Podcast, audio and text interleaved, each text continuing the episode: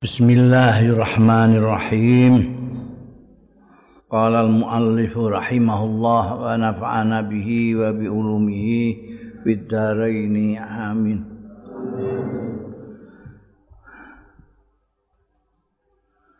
Babun bab yahliful mudda alaih sumpah sapa wong sing didakwa alaihil al mudai iku sing dakwa mudaleh sing didakwa. Mudai sing dakwa kudu mbuktekno mudaleh sumpah. Kaisu wajabat sekira tetep alaihi ing atase mudaleh apa al yaminu sumpah. Kala dawuh sapa Kanjeng Nabi sallallahu alaihi wasallam Man halafa ala yaminin sapane wong sing sumpah ala yaminin ing atase suwijining sumpah wa huwa khali utaiman fiha ing dalem yamin iku fajirun racut artinya tidak benar dusta liak tatia supaya mengambil memetik yoman biha kanti yamine mau. Memetik mengambil malam riin muslimin ing bandane wong muslim. Laki Allah mongkon bakal nemu sapa man Allah ing Gusti Allah wa huwa kali utahe Gusti Allah alaihi ing atase man halafa iku ghadbanu bendu duka. Naudzubillah min dzalik. Jadi ada orang itu yang sumpah bentuk duit iku ana ya. Mulane ana dawuh ngene mergo kejadian bakale dan ternyata terjadi itu. Wong sumpah ora bener mergo kepengin milik bandane wong. Iku kok nggone dina kiamat itu ketemu Gusti Allah, Gusti Allah bendu banget. perkara duwe ae ngantek sepoto-sepoto nganggo asmane Gusti Allah wallahi wallahi ya amin tuan mempergunakan asmane Gusti Allah nggo samanang kolilan. Ora trimo samanang banget kolile. Mergo samanan kolilan yang ada di ayat-ayat Quran itu maksudnya dunia sak isine itu kolil. Bandingannya kan ya ganjaran akhirat Nah iki mau bondo mau pirang rupiah ngono wae terus aqallul qalil. Nah, ono sing menggunakan sumpah itu kan nganggo asmane Gusti Allah. Menggunakan asmane Gusti Allah untuk kepentingan-kepentingan yang ecek-ecek itu itu itu kan berani sekali itu. Mai Gusti Allah khotban duka banget. An Abi Hurairah diriwayatake saking sahabat Abu Hurairah radhiyallahu anhu. Anna Rasulullah satuhune Kanjeng Rasul sallallahu alaihi wasallam. Iku kala dawuh sapa Kanjeng Rasul sallallahu alaihi wasallam. Salah satun ana wong telu iku layu kallimuhum orang gunemi ing salasa sapa Allah Gusti Allah yaumal kiamat ana ing dina kiamat. Ora keduga wala yuzakkihim. Lan ora bersihna ora nyucikake sapa Allah ing salasa walahum lan iku kedue salasa azabun alimun utai siksa sing banget larane. Nauzubillah min dzalik ya. Ada tiga jenis orang yang nanti pada hari kiamat Tuhan tidak sudi untuk bicara pada mereka.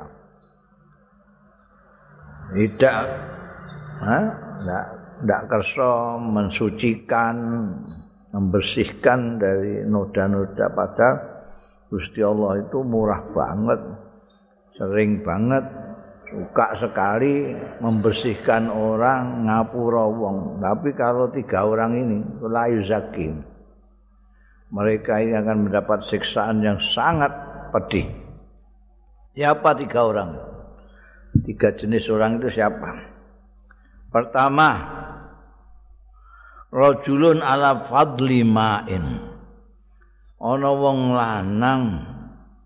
Wong wedok barang masuk ala fadli ma'e ning atase duwe luwian banyu. Dia punya lebihan air. Bitori kenono ing tengah dalan. Yamna'u lumuh tidak mau menolak sapa rajul minhu saking mak ibnas sabil ing musafir. Ibnas sabil iku anak dalan iku musafir Yang pertama wong duwe banyu luweh dari yang diperlukan dia. Terus ada musafir kehausan minta air tidak dikasih. Ini satu orang ini termasuk yang tidak akan ditegur disopo Gusti Allah tidak disucikan dan mendapat azab yang sangat menyakitkan. Huwa khile wis entek enting. Wong dia punya lebih air, punya kelebihan air, ada orang kehausan minta sedikit aja tidak dikasih. Ini satu. Itu bandingannya kok. Ono asu kehausan terus ndekne nyemplung banyu, nyemplung sumur, jiko banyu nggo ngombeni asu. Bisa mlebu swarga gara-gara di ngapura dosane. Lah iki kak mosok wangsule duwe banyu akeh dijaluki wong haus ora dikasih. Sing nomor loro wara julun baya arajulan wong lanang sing beat rajulan layu bayi uhu ora mbeat sapa rajulun ing rajulan. Illa lidunya kejaba krana donya. Fa in a'tahu mongko lamun aweh. Sapa rajulan hu ing rajulun. Aweh maing barang yuridu kang ngarepake. Ya rajulun enake marang ma barang yuridu kang ngarepake ya rajulun. Wafa. Mongko nuhoni sapa rajulun. Lahu marang rajulan. Wa illa lamun ora orang wae lam yafi mongko ora nuhoni sapa rajulun. Wah iki rasa gawat iki. Eh? Biat itu padha karo milih apa ora? Ini pimpinan itu kan di biat. Di biat untuk menjadi pemimpin, untuk menjadi penguasa. Itu ya karena sam'an wa ta'at. Karena orang yang dipilih itu, yang dibeat itu memang memenuhi persyaratan untuk memimpin. Ya. Tapi nek itu MBA itu emilih itu bukan karena kualitasnya yang dipilih, kualitasnya yang dibeat, tapi karena lidunya. Amplopi ya karuane. Nah, nek ora ya ora. Lah padahal iki saiki wis usum ngene iku ya. Usum ngangkat pimpinan iku nganggo amplop panis usum iku. Malah ana tarife iku. Saya ketemu ya lurah itu sak dure camat. Bupati wali kota sak dure iku. Gubernur luwih duwena. Eh? Presiden luwih akeh. Itu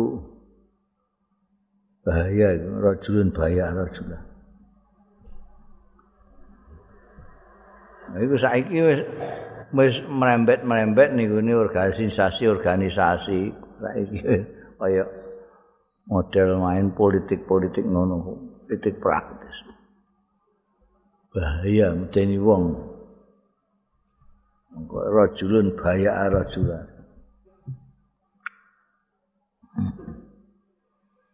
Nomor telu warajulun sawama rajulan. Bisil atin ba'dal asri fa halafa billah laqad utiya biya kadza wa kadza fa akhadhaha. Ana wong lanang sawama rajulan. Transaksi anyang-anyangan karo rajulan ing wong lanang suwiji bisil atin kelawan dag, barang dagangan ba'dal asri sakwise asar dol tinuku bar asar ngono iku pakhalafa iki menunjukkan mangsa saja ya iso jam pira wae pokoke ada transaksi antara rajulun sampai rajulan. Fakhalafa billah. Monggo. Sumpah sapa rajul billahi kelawan Gusti Allah lagi-lagi menggunakan asmane Gusti Allah taala. Dia sumpah lakot a uktia lakot uktia.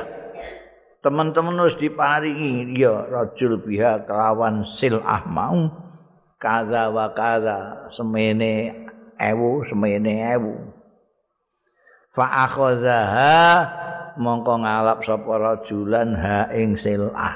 Dadi ana wong dodolan pasar dodolan.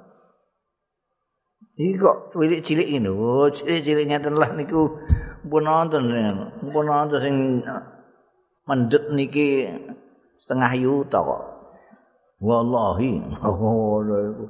Dadi nek kondo wallahi nek mau sak sampeyan wis enak sing nukus. Gini padha kali malah luwih cilik nek timbangane niki. Setengah yuta. Sumpah terus percaya wong sing terus dijiko. Ya wis wis. Iku sing ngono iku wonge termasuk tiga orang yang tidak disapa dengan Allah taala. Tidak dibersihkan dan mendapat siksa sing banget larane. iki adaan kabeh. Berarti ya adaan anu ya ada wong buahir sing kaya digambarno duwe banyu luwean gak gelem nulung. Wong sing membutuhkan itu juga banyak sekali. Adaan juga Masya Allah, ini wong.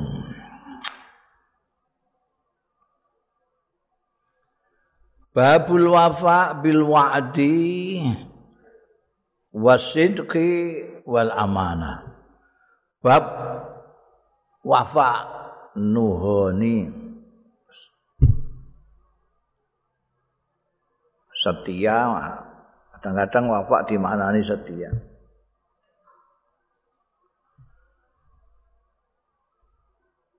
Tapi ning kene al wafa bil wa'di jadi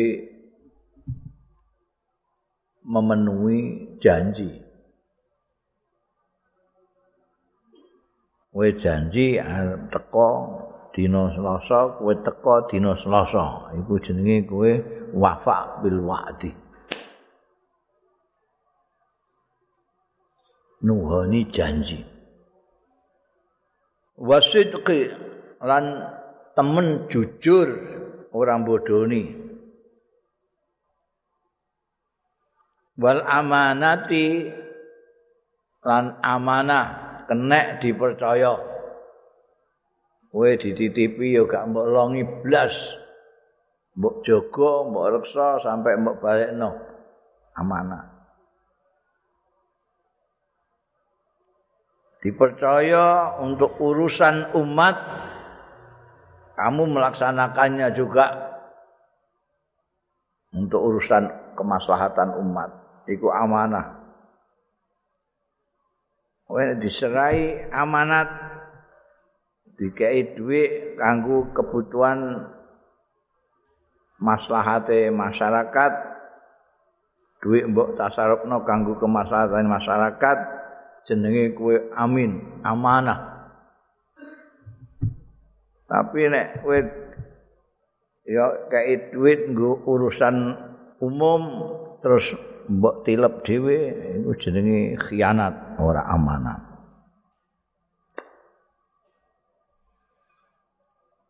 Diriwayatake an Abi Hurairah ta, angking sahabat Abi Hurairah radhiyallahu anhu. Anin Nabi saking Kanjeng Nabi sallallahu alaihi wasallam.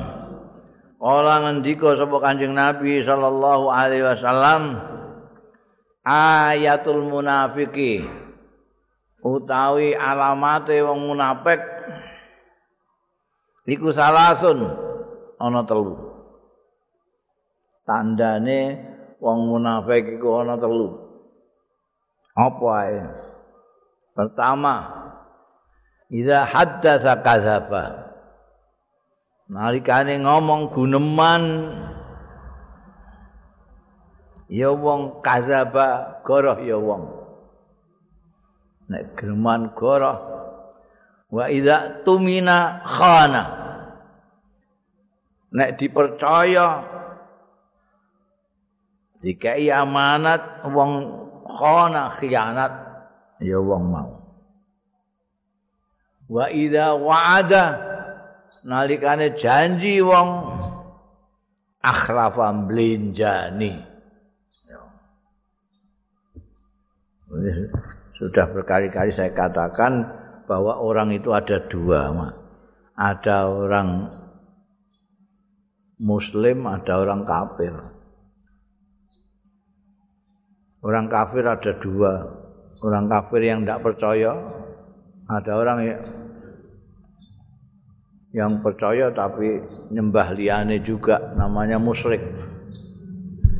Wong Islam ana loro, sitake mukmin, sitake munafik. Iki sing angel bedaknone iku wong mukmin karo munafik. Meskipun wis dikai tanda-tanda. Karena itu banyak tanda ini di Quran ya disebutkan al munafiquna wal munafiqat ba'duhum mim ba'din. ya'muru nabil mungkar wa yanhauna 'anil ma'ruf. Asa wong sule wong mukmin. Nek ning ngene dawe Kanjeng Rasul sallallahu alaihi wasallam sing diriwayatake sahabat Abu Hurairah iki wong munafik itu cirine ana telu. Cirine nek geneman ora tau jujur goroh. Nek dipercaya khianat nek janji mblenjani masuk awang sule wong mukmin wong mukmin niku nek geneman ora tau bodoni. Jujur. Iya ya omongno iya ora. Ya omongno ora A dia omongno A, B dia omongno B. nek di percaya dikai amanat dia pegang amanat itu tidak khianat. Ini orang mukmin. Nek janji dituhoni wafa bil wa'di itu wong mukmin. Kosok wong sule wong munafik iki. Tanda-tandane iku. Ya mungkin orang munafik tapi duwe tanda-tanda wong munafik ya bisa saja. Ini soalnya ini ngandani wong mukmin mukmin iku. Jo ngantek nek geneman goro nek dipercaya mblenjani nek dipercaya khianat nek janji mblenjani aja ngantek ngono. Mergo iku mono ciri-cirine wong munafik wong mukmin tidak begitu. Babu kullu malam yarid fi syar'i batilun. Bab sekabehane barang. Lam yarid kang ora temeka ya kullu ma fi syar'i ing dalam syarak iku batilun. Batal. Diriwayatake ana Aisyah ta. Ing Sayyidatina Aisyah radhiyallahu anha qalat. Ngendika sapa Sayyidatina Aisyah kala dawuh sapa Rasulullah sallallahu alaihi wasallam man ahdasa sapane wong ahdasa sing nganyar-nganyar keman fi amrina ing dalem agama kita iki urusan kita iki hadza iki. Nganyar-nganyarake mah barang laisa kang ora ana fi ing dalem amrina hadza bahwa raddun. Bahwa mengko man ahdasa iku raddun ditolak ditolak. Ya. Ini agama gawe aturan-aturan dhewe yang tidak diatur oleh Kanjeng Rasul sallallahu alaihi wasallam itu tertolak. Sing apa secara apa? Secara umum disederhanakan dengan bid'ah itu. Asal usulnya masuk itu mereka ada ahdasa itu nganyar-nganyar ke itu sembian kau ya sing marakno orang berbeda pendapat ini soal menafsiri amrina hadza Pokoke sing ora ana jaman Kanjeng Nabi terus gak oleh sak iki. Wah, yo kacau kabeh iku. Eh? Kacau kabeh. Mulane ulama-ulama ahli sunnah wal jamaah itu membagi-bagi kriteria-kriteria ini mana yang masuk ahdasa fi amrina hadza mana yang tidak mana yang ini dibolehkan karena apa Karena ada hadis lain, orang yang megang hadis hadis ini tok iku terus kabeh sing zaman Kanjeng Nabi gak ono dianggap ditolak kabeh. Nek ngono kan madrasah ditolak, santren ditolak. Yang baru-baru ditolak kabeh.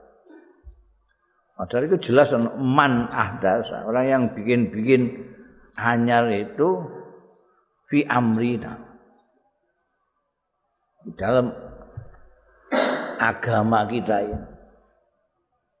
Misalnya dua pikiran iku jane nek esuk iku mbayang subuh iku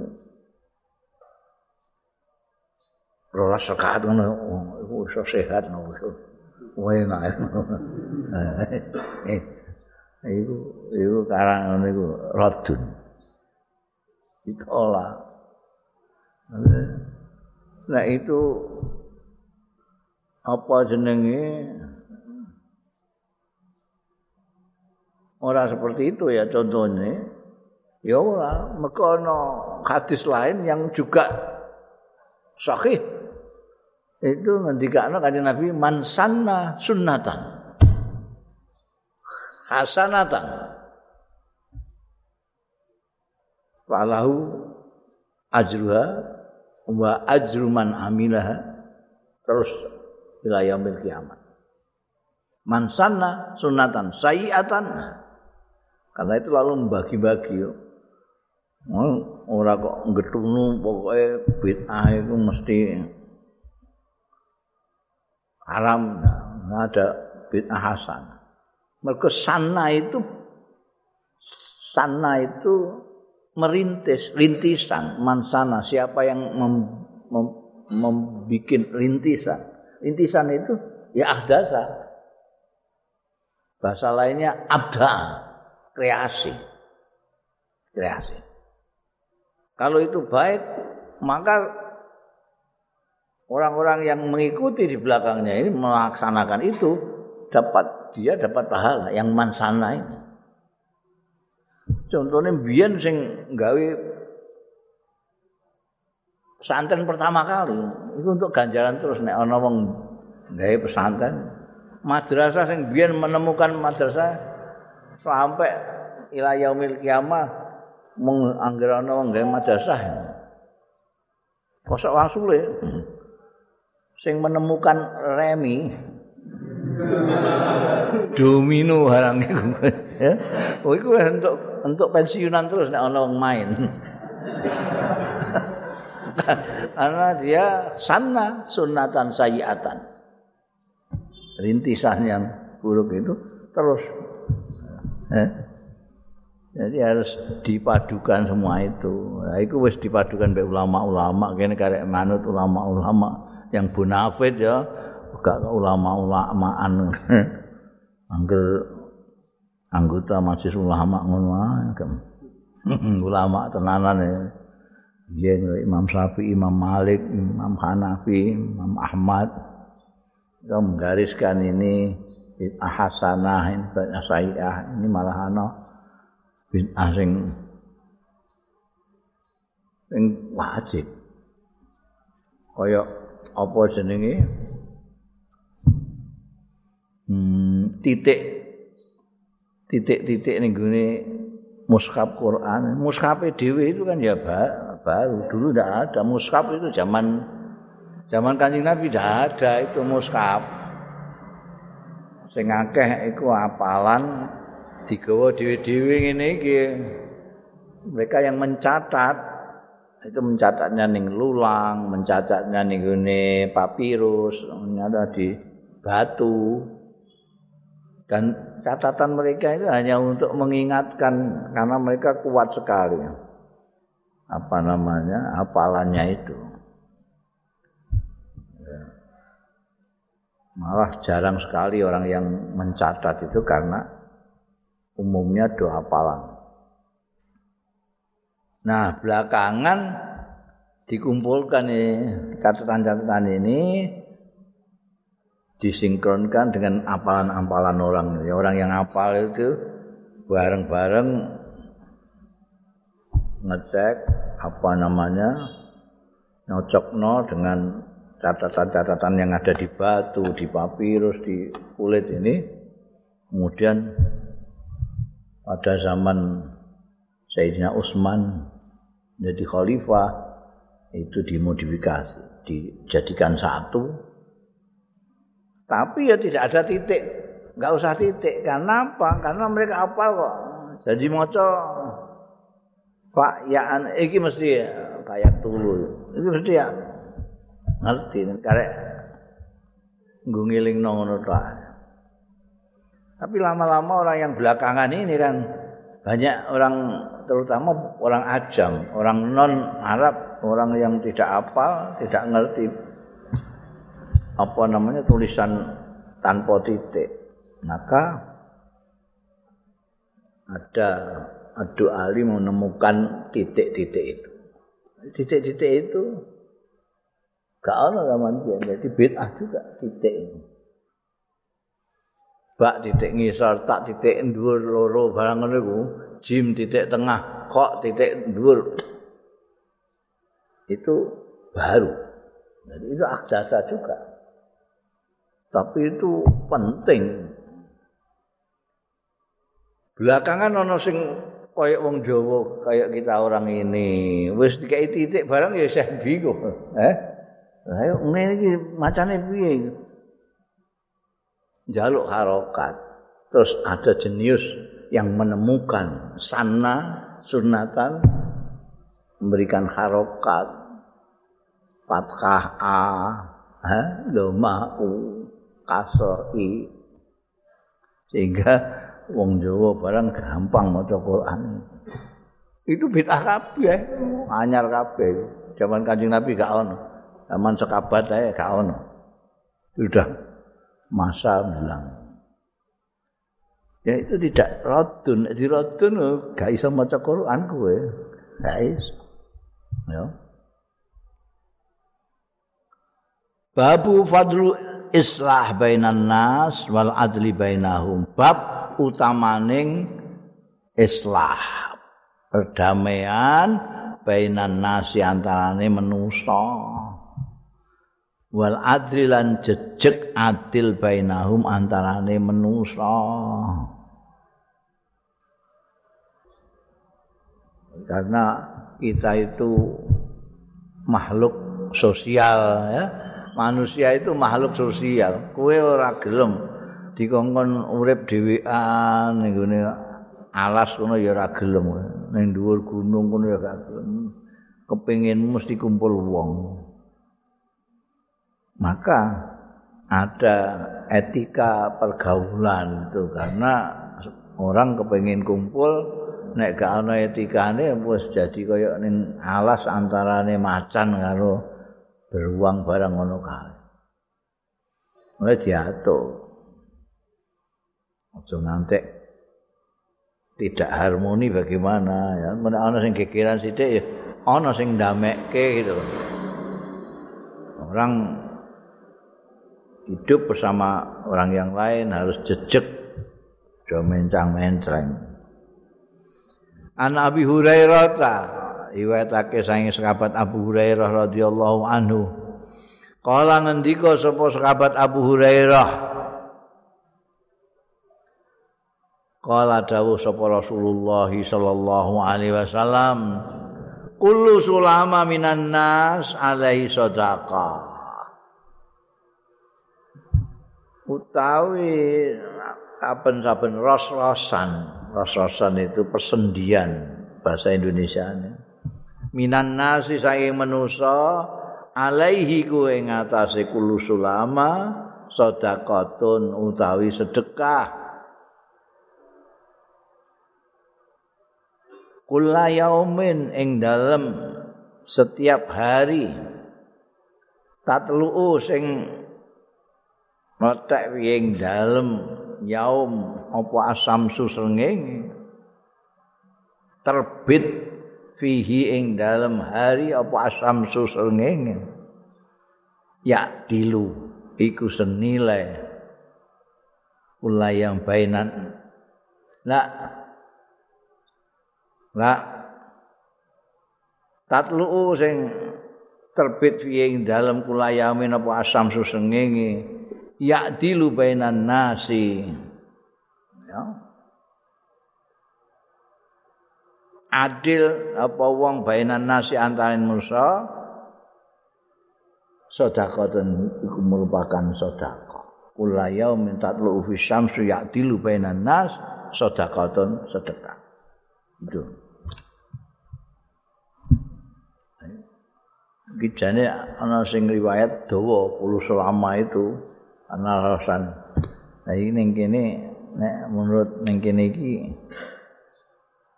sing disebut-sebut ya'dilu bainan nas itu yang sedekah karena orang yang menjadi hakim misalnya itu kan dia menggunakan segala anggota badannya untuk melakukan kerja sebagai pengadil dan dia melakukan itu dengan jejeg dengan adil sedekah. Orang gegeran terus kue teko jret terus kamu dunung-dunung no kue sing adil ngene iki Kowe iki kudune mundur sejangkah, kamu maju sejangkah. Itu sedekah. ana wong tukaran rembok cekel kan ana anane kuwi lah apa? Kok tukaran iku urusane piye? Wong sing ngene ngene ngene terus adi ngene lho iki kowe iki ana benere ana klirune kowe ana benere ana saiki tanasul saiki damai damai iku sedekah. Orang orang orang perlu ngetokno duit. Sedekah itu kulo selama kok malah mesem tok iku ya sedekah. Hmm? Silaturahmi sedekah. Ya. Oke setiap hari lah mulai meletak serengenge itu penuh dengan sedekah jadi nek gelem menggunakan semua persendianmu untuk kebaikan-kebaikan. Tidak usah dengan memberikan harta tidak usah. Nah, contohnya kayak ini tadi. Membuat dua orang yang berkelahi menjadi damai karena kamu adil dengan baik. Ya adil bainan nas. Nantako. Hmm?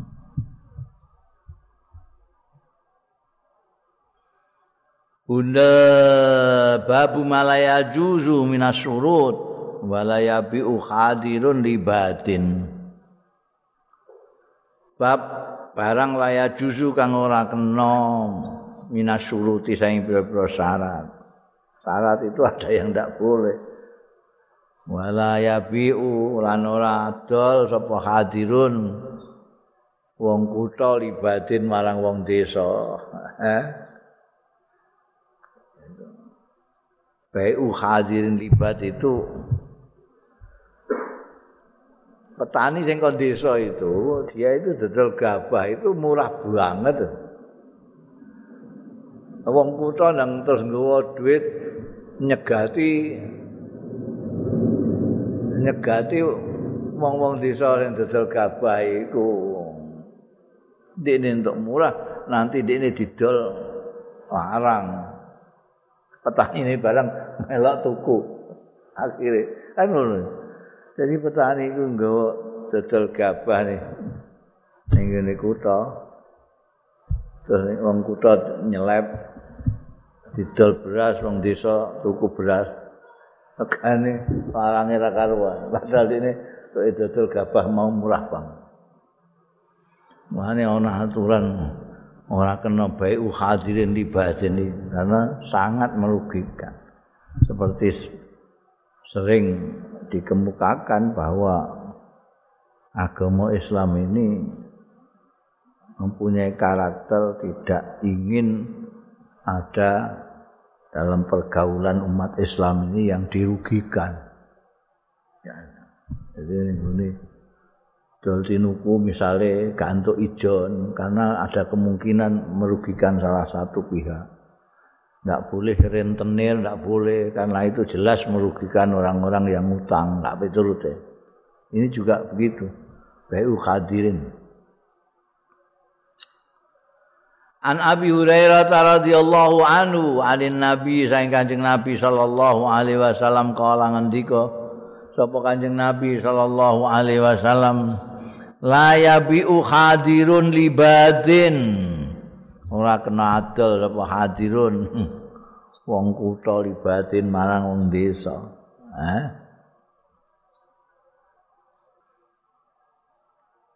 Wala tanajasu lan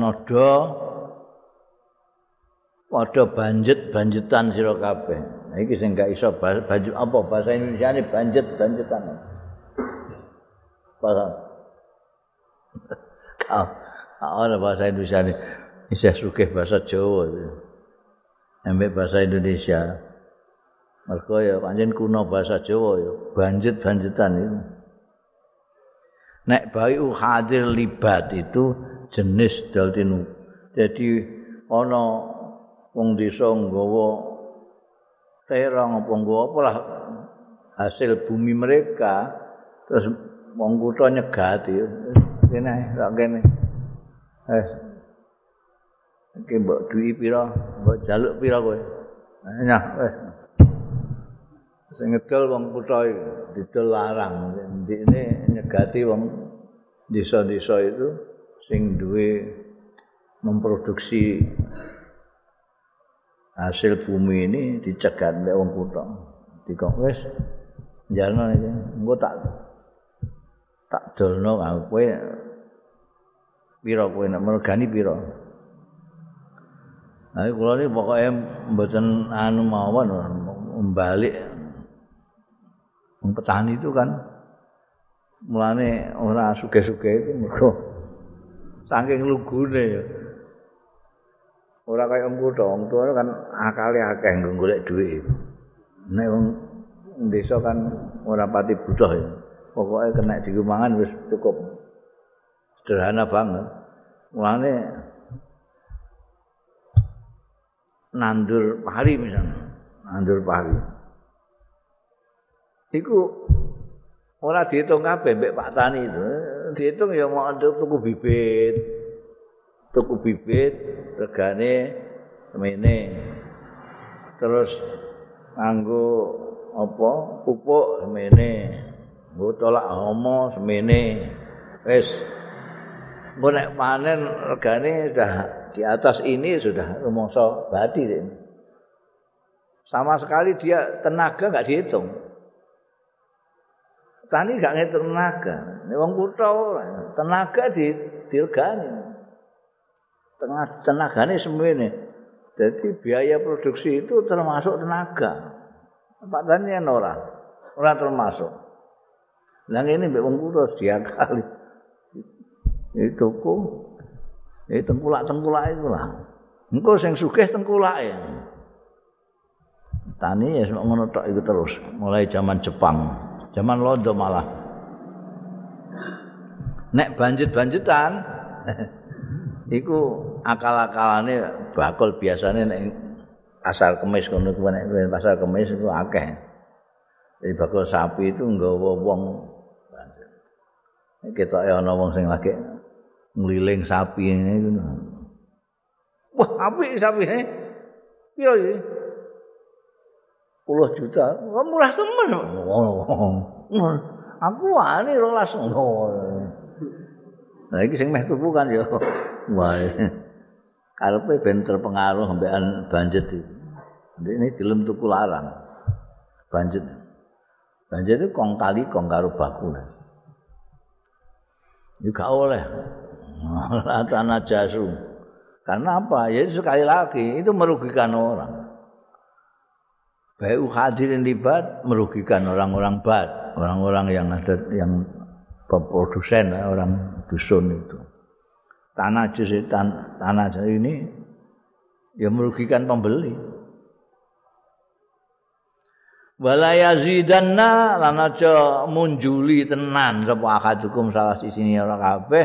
Ala bai akhi ngatasé dodelane dulur dulure akadukum ya undhake ana wong tuku terus wis di anu meh dituku sik mbok undhake wae iku jenenge apa jenenge? Mangkelno wong. Merugikan orang lain. Walayah tubanna itu. Delok iku anune redaksine itu nganggo sakit la yazidanna walayah tubanna aja nglamar tenan sapa akadukum ala khidbatihi ing atase lamarane akhihi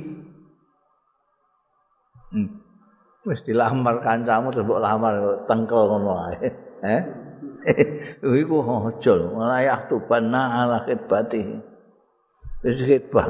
Kono lagi dipikir nambekan wong tuane, kumbuk jerot iku. oleh. Niku wani pinten niku anu mas kawin Ya ampun anu ada waktu sholat. Ah, mahal kok ada waktu sholat pun eman-eman anak sampai nayu nih ngoten.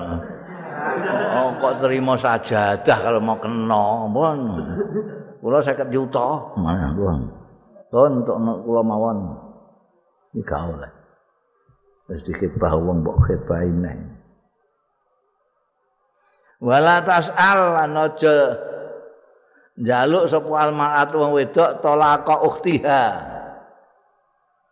ing megat dulure mar'ah litas takfi litas takfiu litas takfi'a inaaha ento ngendeh ngenggani ya imra'ah inaaha ing wajahe ukhtiha ukhtiha itu bisa saudara kandung bisa saudara saudara bisa saudara kerabat bisa saudara sebangsa bisa saudara seagama bisa saudara seperempuannya. Eh, pokoknya dulu gantuk wong wedok. Terus eh, WA wong lanang. Mas bujum pegat aku wis mana mbek aku ae iku ngono iku. Iki piye? Kudu dulurmu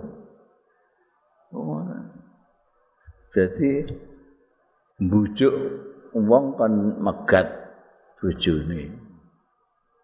Bojone itu bisa saja saudaranya sendiri. Iku anu. Dulurku iku ngorokan, ngileran segala macam. Terus sampean pegat ae. Mau ambek aku ae. Oke, gak oleh. Eh? Jahat di sini. Eh? Ono. Kok ono ya ngono. Ono larangan mesti berarti ono kejadian. Kejadian. Wong khotbah wong diserobot. Nah. dolane wong di joki banjit-banjitan ana baik hadirin libat ya ana kene wong wedok ya ana glembuk wong lanang kon megat sing lah. Eh? Ana apa ora kira-kira? Wong wedok glembuk wong lanang kon mejat bojone. Nah.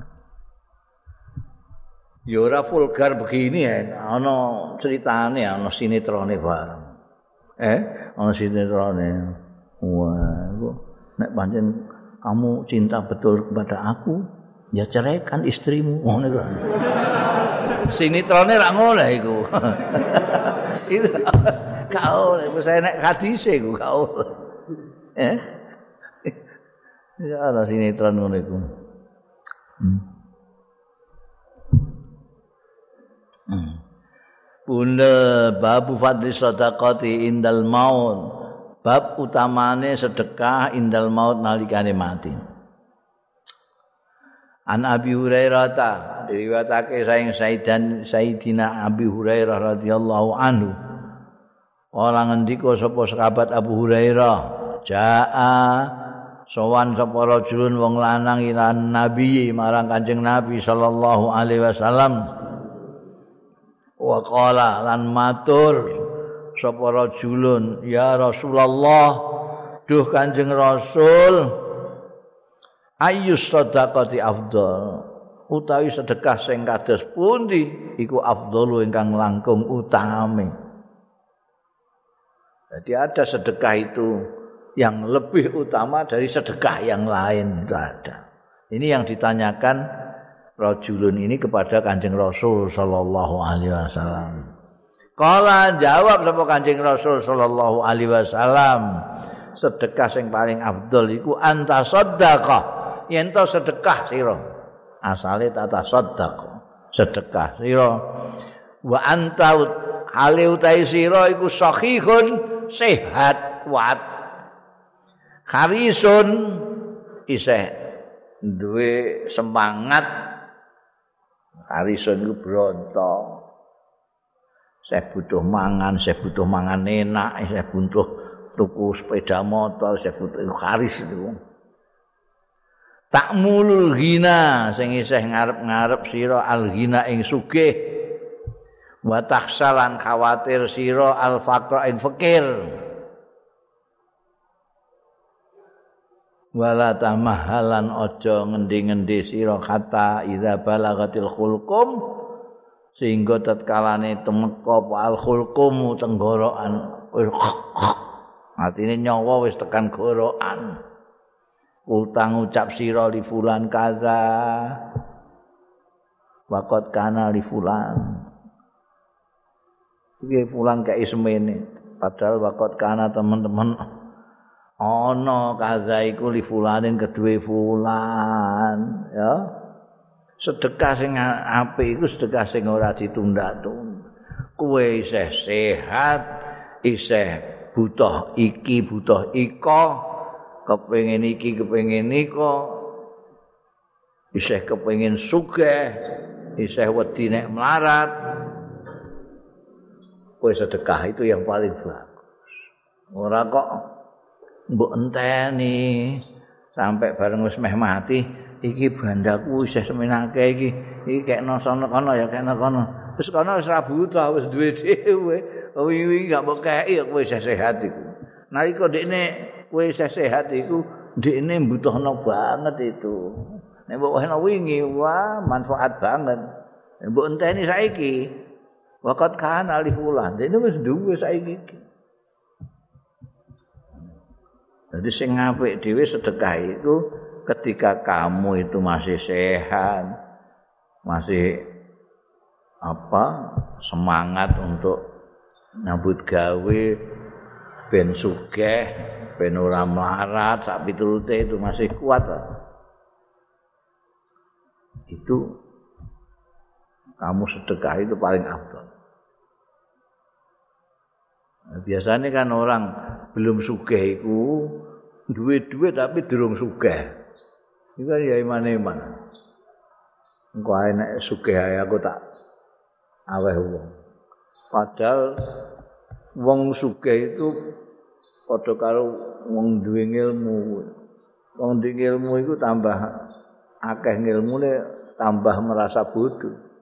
Tambah kepengin mencari ilmu lagi. Wong sugih ya ngono. Dia tambah sugih tambah kepengin luweh sugih. Itu buktine iku. Koruptor-koruptor sugih kabeh, gak sing melarat. Eh, minimal dibandingno kowe adoh. Begedek duwe omahe antekan pirang-pirang. Isih korupsi. Isih harisun tak mulul ghina. Jadi pada saat seperti itu yang sebaik-baiknya sedekah ya. Kamu masih butuh. Sudah punya tapi kamu ingin tambah supaya suge. Itu yang paling baik. Aja mbok enteni. Nanti kowe ora iso nyambut gawe, ora iso.